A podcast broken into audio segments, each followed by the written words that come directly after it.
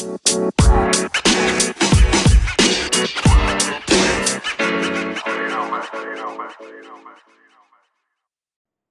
balik lagi di uh, The Journal of Criminology Indonesia bareng gue Yani sama Osin juga. Nah, hari ini oh ya lupa membiarkan Osin menyapa. Parah. ya jadi uh, kali ini tuh kita mau bahas kasus yang kemarin sempat trending. Uh, itu mas masalah eksploitasi ABK Indonesia di kapal Cina yang awalnya trending dari media YouTube, Korea. Ya? Oh, media YouTube, Korea ya. Korea, Korea, cuman kemarin ada YouTuber yang yang dia populer di Indonesia, hmm. akhirnya juga sampailah di sini dan ramai. Nah, karena gue sama Osin bukan orang yang ahli dalam masalah per apa ya industri industri itu perkapalan, perkapalan. kita mau ngundang nih hukuman perhukuman makanya kita mau ngundang uh, yang ahli nih uh, yang biasa yang concern masalah uh, isu-isu maritim. Mm -hmm. Di sini kita udah bareng sama Mas Bono. Yeay. Halo Mas Bono. Jadi Mas, Mas Bono ini apa ya? Dia kemarin katanya lagi apa habis kelar S3 ya yang lo ceritain-ceritain dikit lah. Belum kelar oh, lagi. belum kelar. Oh, Mas belum kelar, Mas. Iya. Ini lagi ini lagi di lagi Amsterdam. S3 di Amsterdam. Oh.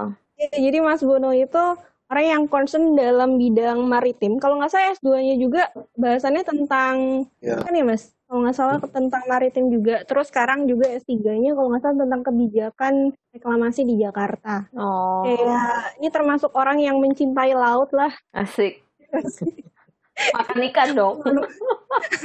ya, sehari-hari sebelum S3 ngajar di Fakultas Hukum UI Universitas oh. Indonesia.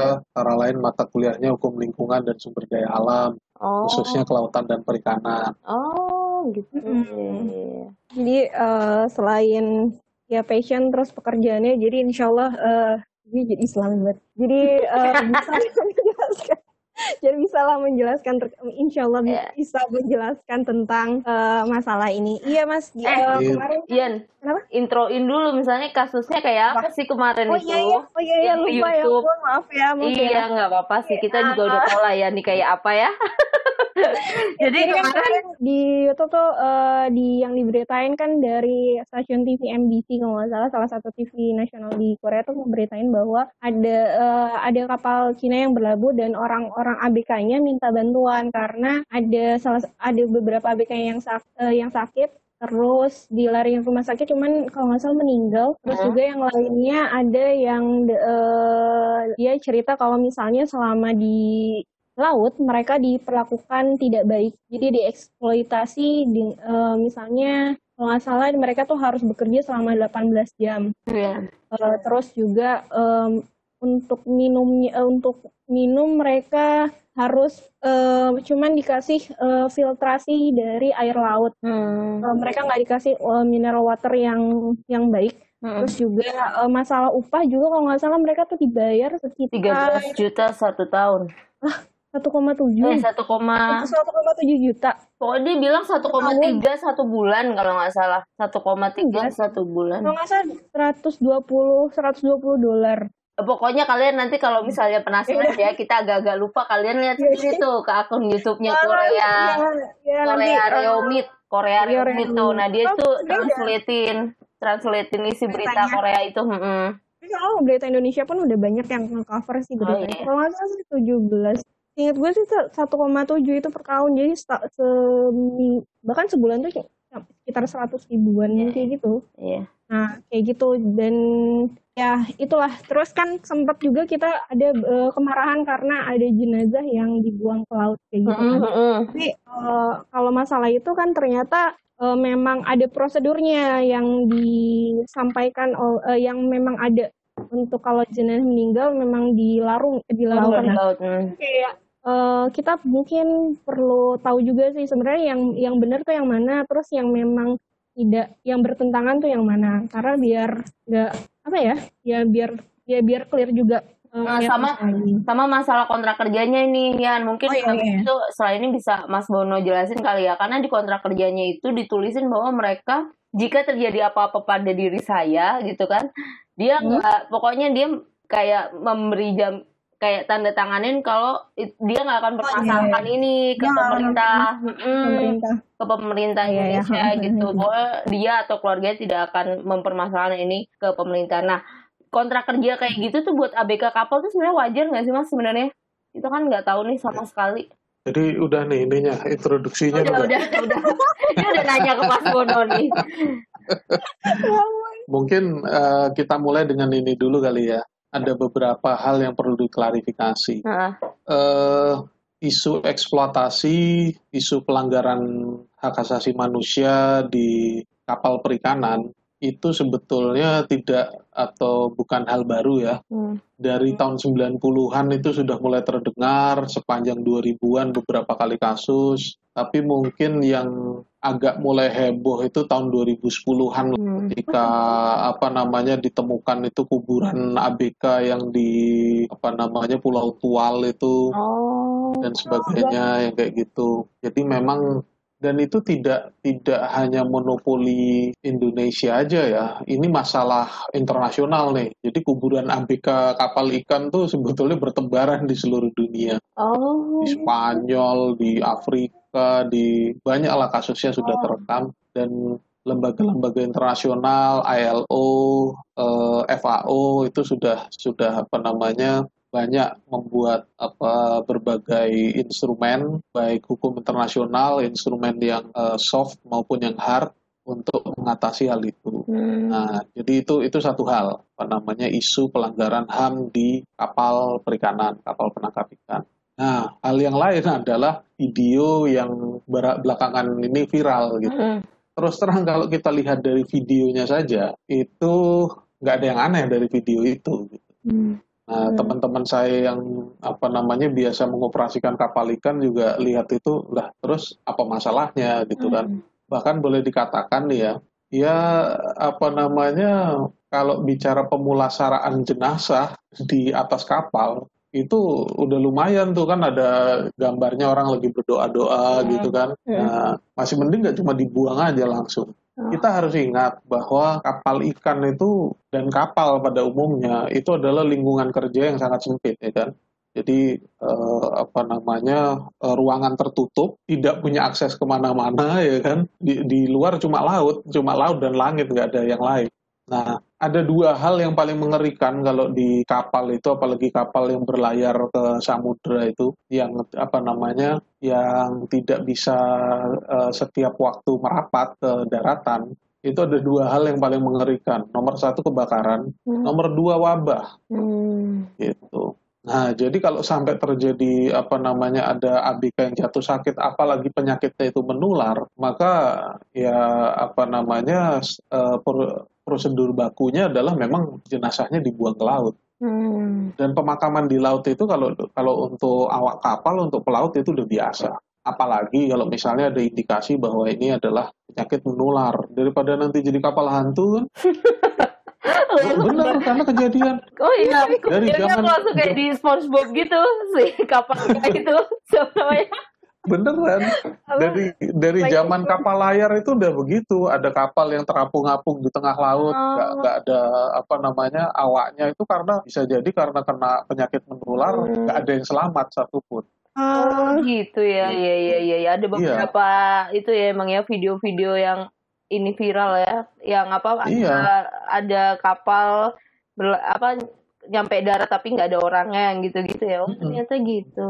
Jadi ya kalau dari videonya saja itu sebetulnya tidak menjelaskan apa-apa. Hmm. Nah, tapi memang betul bahwa selama ini ada terjadi kasus apa namanya eh, pelanggaran HAM lah atau eksploitasi cenderung perbudakan gitu di kapal-kapal ikan. Hmm. Nah, satu hal yang teman-teman harus apa namanya sadari, saya rasa ya, hmm. ini masalah ini susah sekali dan sampai hari ini pembuktiannya sulit karena apa?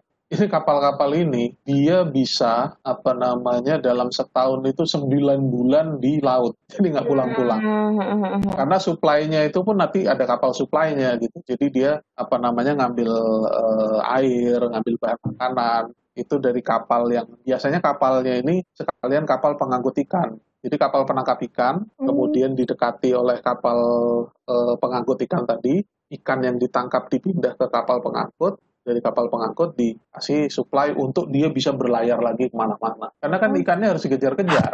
Ikan yang dicari itu biasanya spesies yang istilahnya highly migratory. Jadi pindah-pindah ke mana-mana lah, hmm. ikan tuna gitu-gitu. Hmm. Nah, jadi ya apa yang terjadi di kapal itu sulit sekali dibuktikan kecuali tertangkap tangan. Oh, nah, iya, iya. Dan hidup di kapal memang secara umum ya pada umumnya memang apa namanya keras, sulit lah, berat dan terutama apa namanya kalau di antara orang-orang yang biasa berurusan dengan kapal penangkap ikan samudra ya ocean going itu memang terkenal nih kalau mau enak tuh naik kapal Jepang.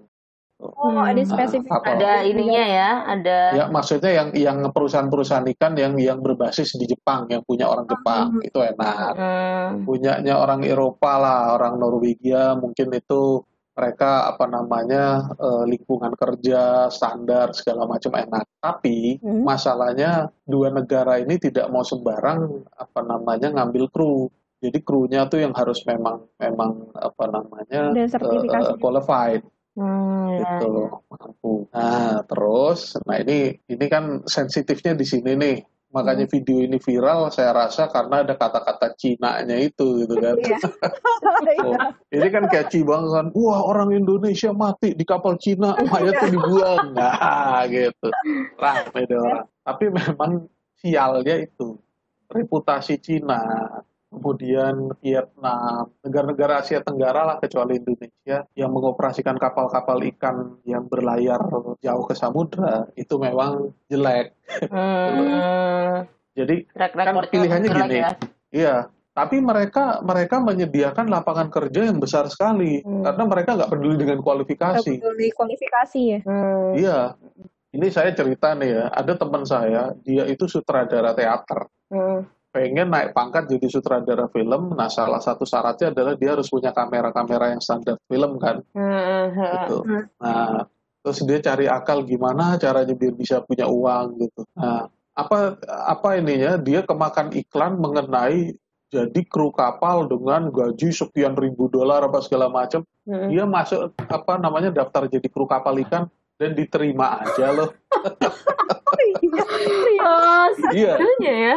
Dan dan setelah berlayar setahun di sekeliling lingkaran kutub tuh, Hah? Vladivostok dan sebagainya itu berlayar setahun, untung dia masih hidup gitu kan. Akhirnya pulang ke Indonesia nggak bawa apa-apa, masih oh, untung dia hidup. Oh ya Allah. Beneran iya. Jadi kayak yang dijanjiin itu dia nggak dapet gitu ya mas? Ya gini lah, uh, sebetulnya duitnya mungkin ada gitu dan diterima di kapal. Ingat bahwa mereka tidak apa jarang atau bahkan hampir sama sekali tidak pernah rapat, hmm. gitu. Jadi gaji pun dibayarkan di kapal. Hmm. Nah kadang-kadang kapal ini dia apa namanya ada warungnya gitu warung Indo minta warung apa oh. emang serius? Oh iya. Gitu. Ada. Jadi hmm. ada. Jadi makanan ada nih makanan yang yang apa pembagian gitu ada. Jatah ya. gitu. ya. Tapi biasanya dibuat nggak enak. Adanya aja entah bubur atau apa gitu. Nah kalau mau enak makan mie makan mie instan gitu. Hmm. Tapi mie instan ya bayar ada mie instan, ada rokok, ada minuman-minuman kaleng mungkin. Mm, -hmm. Nah uang mereka habis di situ gitu loh. Oh, ya, ya, ya licik juga. Iya. gaji gaji sebanyak apa caranya begitu. Oh, itu yang nyediain dari dari orang kapalnya situ juga. Iya, yang punya kapalnya. Yang punya kapal. ya ampun. Jadi uangnya balik lagi ke dia juga ya. Ya uangnya balik lagi ke dia. Jadi gini kalau kalau dibilang jahat ya gimana ya? Ya ngakalin orang iya gitu tapi kalau jahat ya ya tahu juga ya ya ini ya nah, terus tadi kan apa namanya ada masalah kontrak yang apa hmm. namanya hmm. tidak menguntungkan gitu kontrak kerja. Yeah.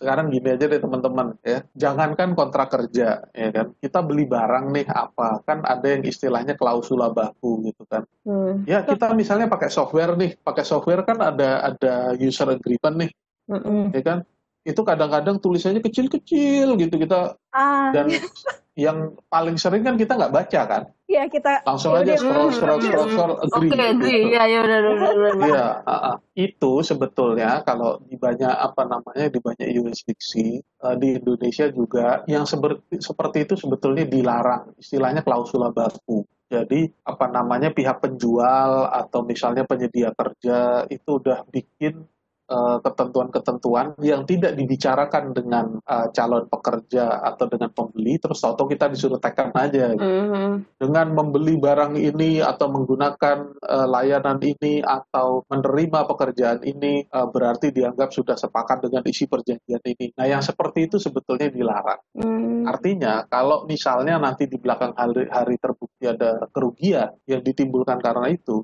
sebetulnya kita bisa bawa ke pengadilan dan oh. harusnya Ya, harusnya hakim itu memutus bahwa wah ini klausula baku seperti ini nggak boleh. Ya semacam jebakan Batman gitu. Mm -hmm. Cuma eh, sekali lagi cuma ya kan kita gitu ya kan hubungannya kan sering kali tidak tidak apa setara kan antara pencari kerja dengan penyedia kerja. Oh, ya penyedia kerja. Iya, dan kita juga sengaja itu perjanjiannya dibikin kecil-kecil gitu hurufnya sehingga ah ya udah tanda tangan aja gitu.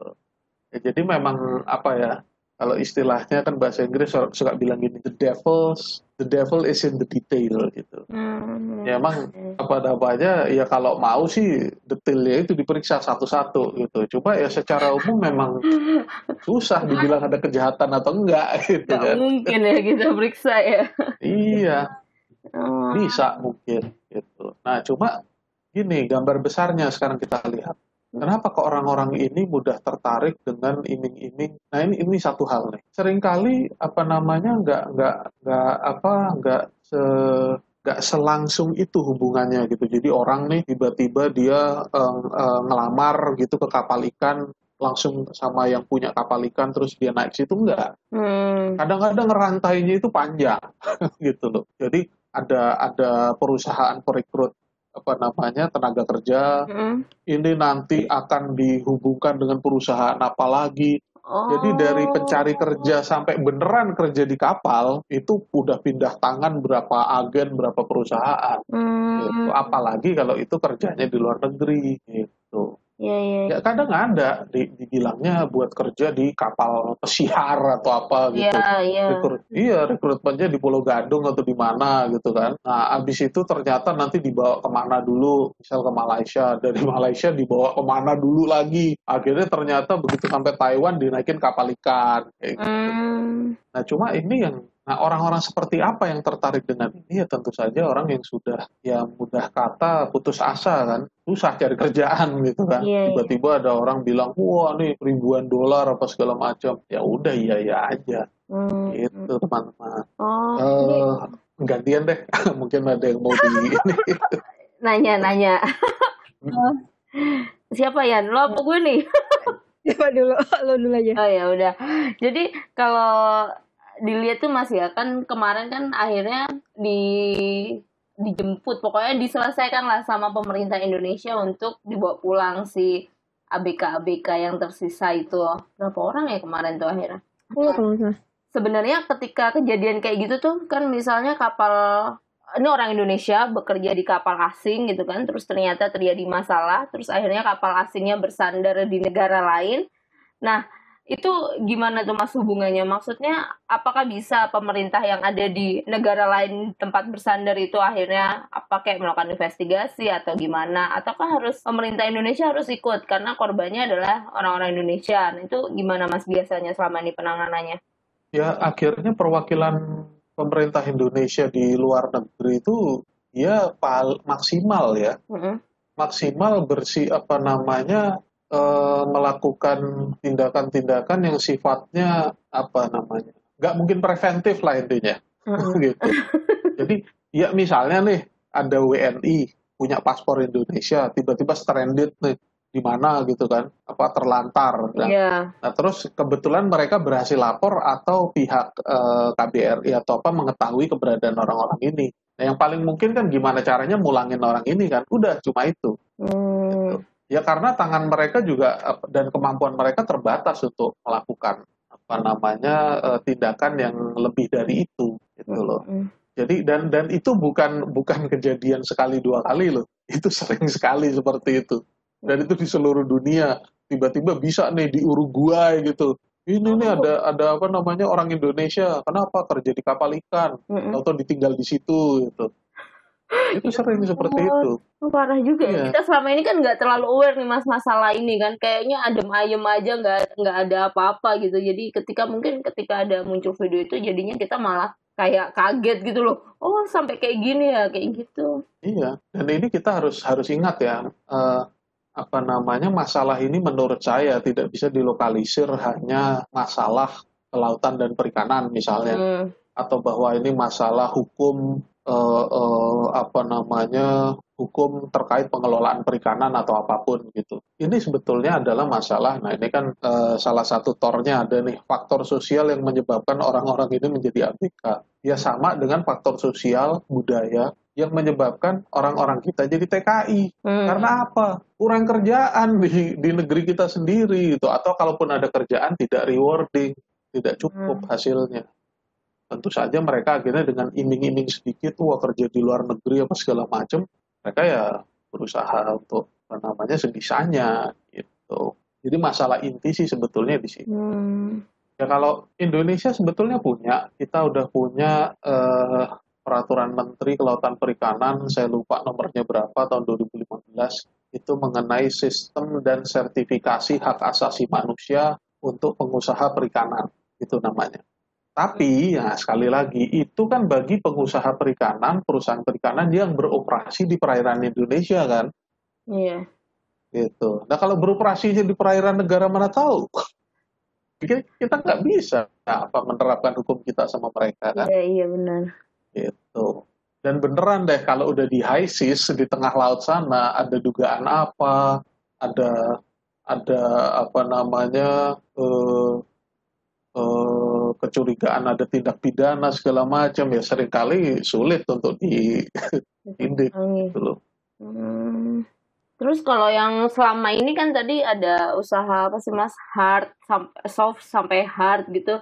Ya. Kan kemarin juga sempat ada di berita itu kan dibilang kalau apa uh, meminta aku nggak tahu sih bahasanya apa ya, tapi kayak meminta komunitas internasional uh, untuk melakukan penyelidikan gitu kan berarti kan mungkin gabungan gitu kan kalau sepemahamanku. Nah itu emang ada nggak sih badan khusus atau apa yang emang uh, concernnya itu menangani itu gitu kalau ada kejadian-kejadian kayak gitu gitu under siapa gitu ada nggak sih? ya itulah itu adalah Regional Fisheries eh, Management Organization, organisasi pengelolaan perikanan regional. Hmm. Nah, kayak di uh, misalnya di apa namanya Samudra Indonesia tuh ada namanya uh, eh, IUTC, Indian Ocean Tuna Commission. Jadi Komisi Tuna Samudra India. Komisi Tuna gitu. Samudra India. Nah, ini diharapkan organisasi-organisasi seperti ini yang aktif, ya kan, melakukan penegakan hukum, melakukan apa namanya, mengambil tindakan-tindakan preventif untuk mencegah terjadinya pelanggaran hak asasi manusia di kapal-kapal ikan. Nah, cuma kan sekali lagi masalah organisasi internasional ini kan kembali lagi tergantung pada kemauan dari negara-negara anggota yang membentuknya, hmm. ya kan? Yeah. Nah, kalau misalnya negara-negara anggotanya ternyata eh, tidak punya kemauan dan kemampuan untuk melakukan penegakan hukum di tengah laut, nah, ya yang jelas kan itu pakai uang lagi kan. Nah, iya, nah ini ada nggak apa namanya anggarannya untuk untuk melakukan hal itu? Nah biasanya nih negara anggotanya malas ngeluarin duit hmm. untuk melakukan hal itu. Hmm. Ya sederhana aja nangkapnya di tengah-tengah laut, di tengah-tengah samudra. Orang kapal kita patrolinya iya. biasanya deket-deket aja. iya, effortnya ya kan? terlalu besar ya untuk itu ya. Iya, lagi pula berlayar situ pakai solar. Solarnya siapa yang bayarin? Oh iya. Itu. duit maning, duit maning. iya, benar, serius. Makanya terus terang ya, sampai hari ini belum ada apa namanya uh, skema atau uh, metode yang memadai untuk melakukan penegakan hukum terhadap ini. Hmm. Makanya kalau saya nih ya, hmm. kalau saya makanya tadi saya bilang kerangkanya nggak boleh sempit lihat ini harus hmm. luas. Gimana caranya negara menyediakan pekerjaan yang baik di hmm. negara sendiri, sendiri, ya kan di di kampung sendiri sehingga mereka nggak usah keliaran ke mana-mana akhirnya jadi korban. Nggak usah gitu. kepikiran sampai untuk itu ya mas ya. Iya tapi teman Mas aja yang maksudnya sutradara gitu kan ya. itu aja kepikiran tuh Mas gimana tuh Mas. itu dia saking pengennya dia punya kamera gitu kan. iya.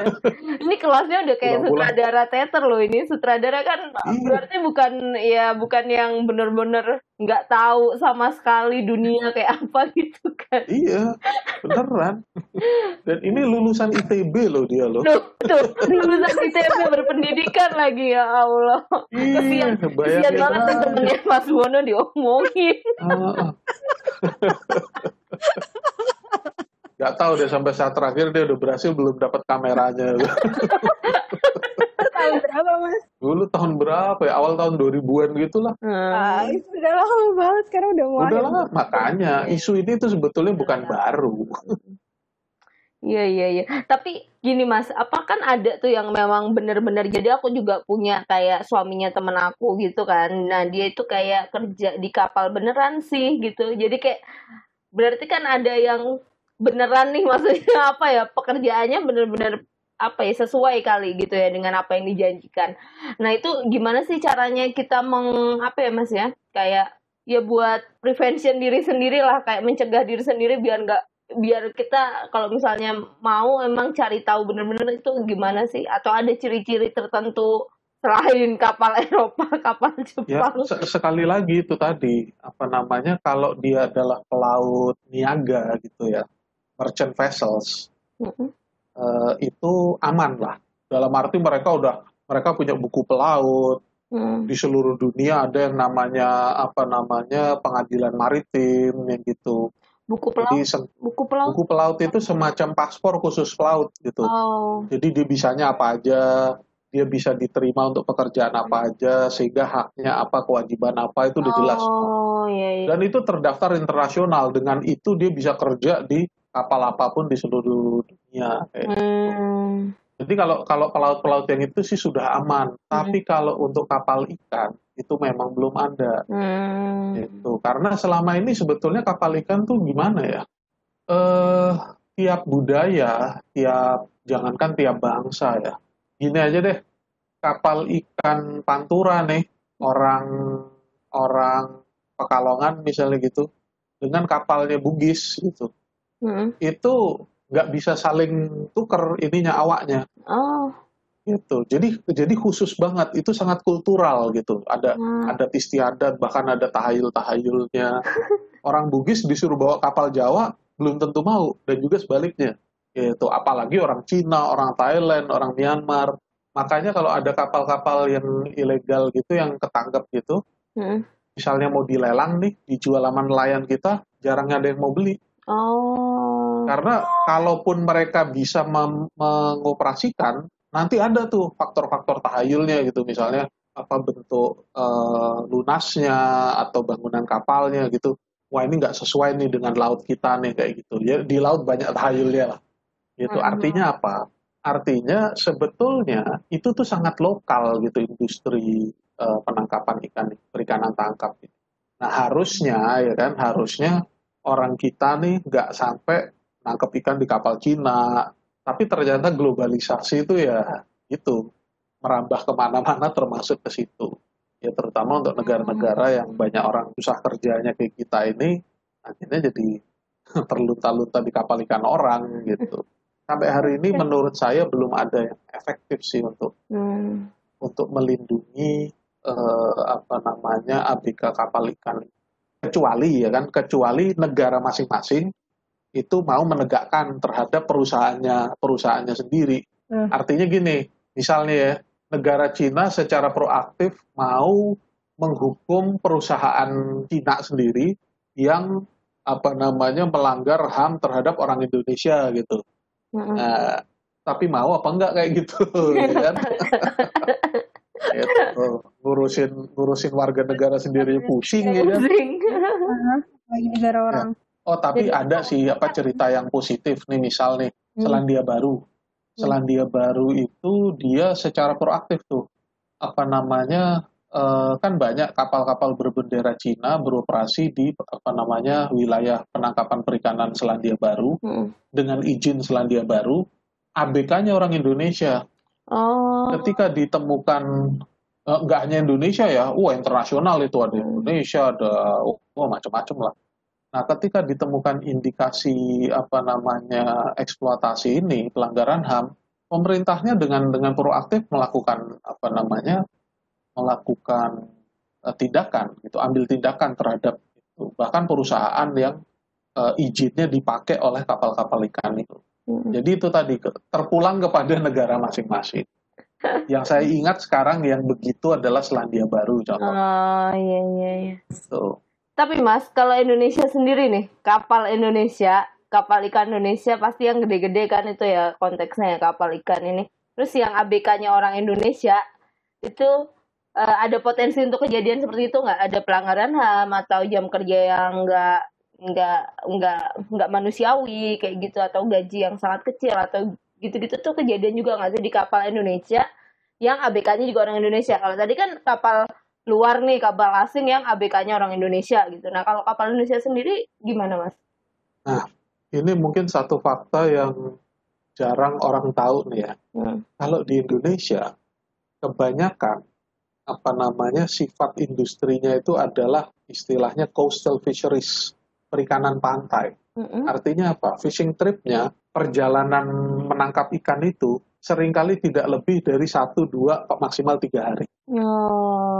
Gitu. Jadi mereka sama sekali bukan ocean going. Mm-hmm. Gitu. Nah, mengapa demikian? Karena memang Indonesia lautnya kan sempit-sempit dan dangkal-dangkal, mm-hmm. ya kan? dan banyak ikannya. Hmm. Sehingga kita tidak perlu ngejar-ngejar ikan yang sampai jauh-jauh ke mana-mana. Orang tuna aja yang gede-gede itu pada liwat di dalam laut pedalaman kita. Hmm. Jadi nggak usah sampai berlayar yang berbulan-bulan gitu, nggak. Hmm. Gitu. Makanya di Indonesia sebetulnya nggak ada tuh masalah kayak hmm. kayak gitu itu. Iya, iya. Gitu. Yang masalah kayak gitu itu kan negara-negara bangsa-bangsa yang memang punya apa namanya tradisi, punya budaya ocean going. Hmm. Gitu. Yang yang perikanannya memang jarak jauh lah. Jepang Cina gitu kan.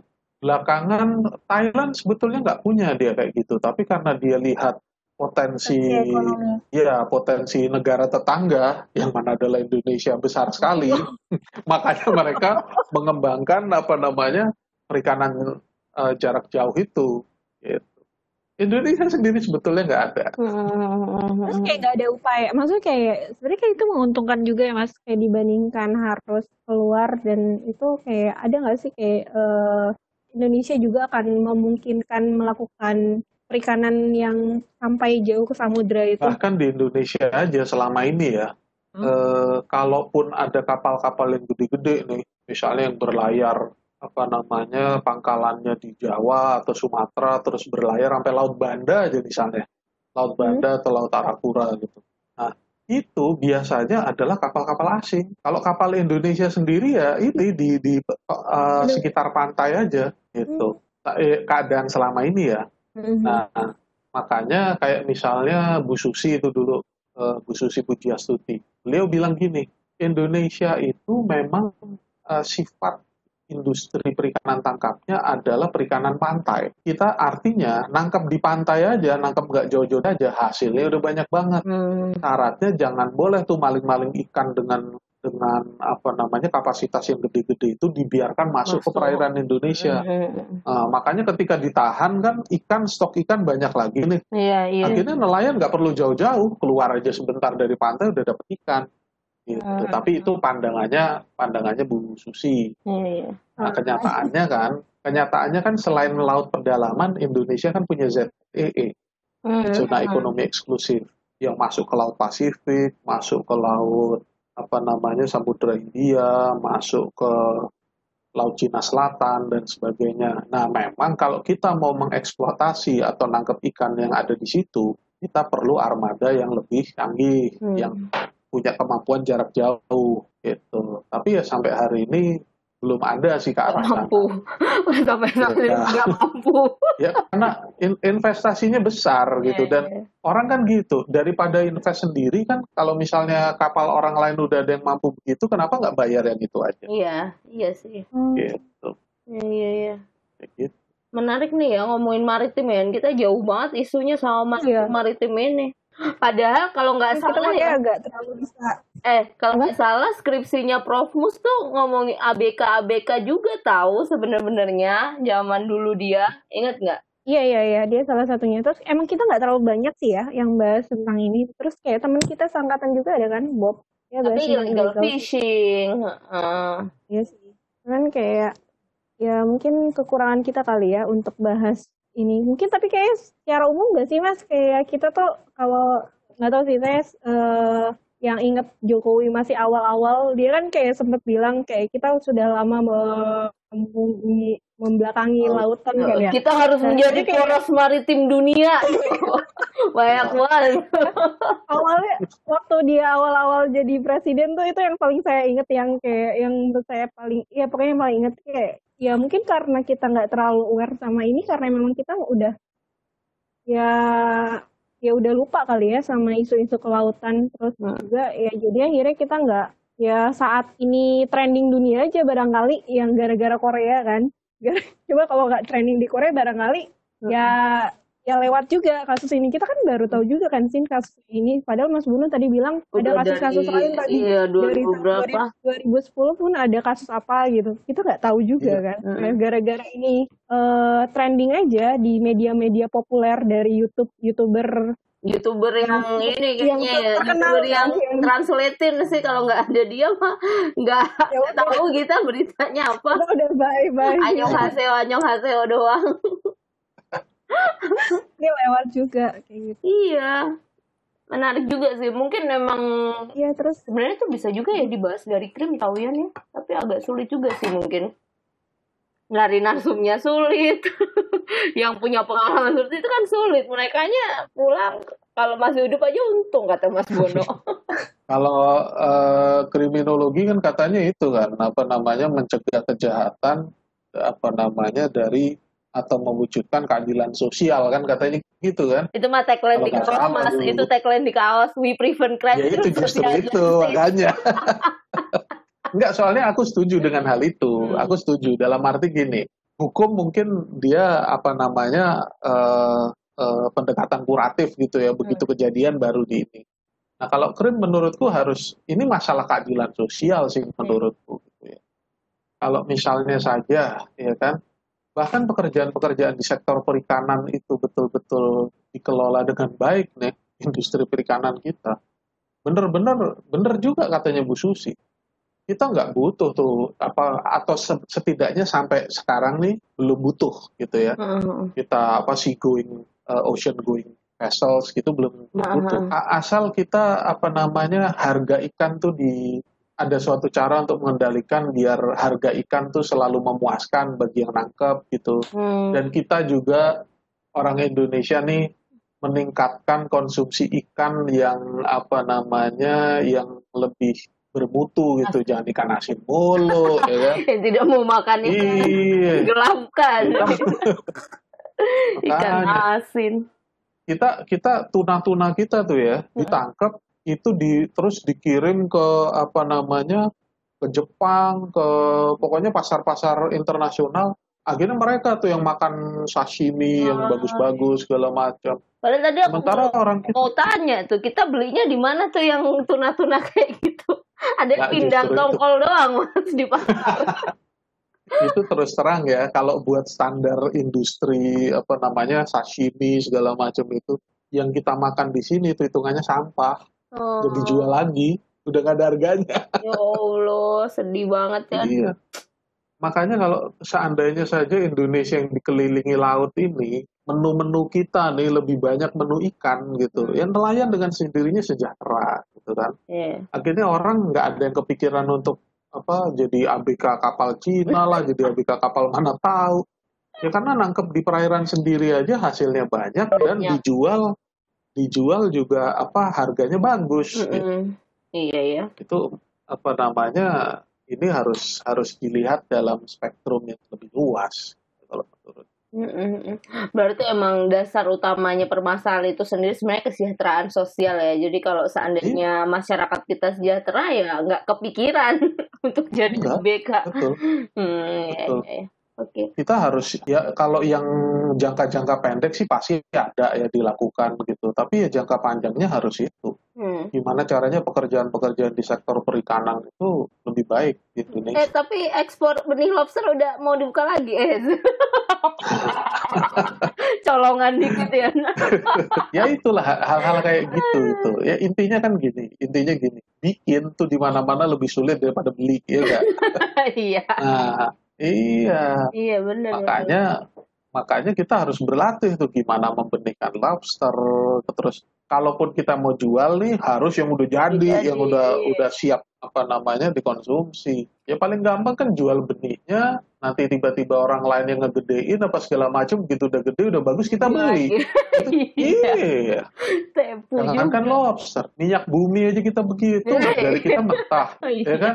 Dibawa keluar refinery jadi bahan bakar kita beli lagi dengan harga yang berlipat-lipat. Ganda. Hmm. kan nggak masuk ke akal. Tapi itulah ya permasalahan dunia ini kayak terlalu berat kalau kita hadapi sendiri. Ayo iyalah Yan iya. Yan. Ah Yan ini mana nih Wah ya nih kayaknya uh. agak jelek sambungannya. Ini kayaknya kita udah 40 menitan nih mas. Wah udah main nih seru banget perbincangannya. Padahal kalau misalnya mau dibahas ya, sebenarnya masih banyak lagi kan kalau masalah maritim, apalagi disertasi mas yang reklamasi apa namanya Teluk Jakarta ya mas. Ya. Itu seru lagi kalau dibahas. Tapi apa daya mas, waktu kita habis. Waktu kita udah biasa cuma ngobrolnya 40 45 menit gitulah biar ya kan seumuran kita yang dengerin kayaknya. Dengeran enggak sih? Dengeran dengeran. Ya ini udah masuk lagi. Ya hilang deh. Oh, iya. Ini mau closing ya, lo aja deh yang closing dah. Kesian lo tadi nggak ada suaranya. Yan. Ya lagi. Ya, ya udah. Makasih banget loh Mas Bono atas diskusi okay. dan obrolannya hari ini menarik Sama-sama. banget. Kita jadi kayak yeah. baru tahu gitu kalau banyak permasalahan juga yang bisa dibahas. Tapi ini bisa jadi ide juga ya buat teman-teman yang mau skripsi tesis kali. Jadi masih oh, sedikit iya, terminologi bahas itu. Uh, ini di Fakultas Hukum UI itu ada namanya kelompok kajian. Hmm uh, Center for Sustainable Ocean Policies. Hmm. Antara lain membahas-bahas masalah ini juga. Ya, kalau misalnya ada yang minat, ntar saya bisa kasih kontaknya gitu. Wih mantap mantap. Nah nanti kalau kalian emang butuh dan berminat untuk diskusi masalah itu jangan lupa komen di sosial media kita langsung promosi sosial media kita di uh, Twitter atau Instagram at the underscore jci Terus bisa juga komen mau bahas masalah apa yang lagi trending atau apa mungkin kita skip-skip atau miss-miss juga bisa komen juga. Jangan lupa follow, dengerin kita di Spotify atau di Anchor, The Journal of Criminology Indonesia. Yan, lo udah balik belum? Ini gue udah mau closing nih.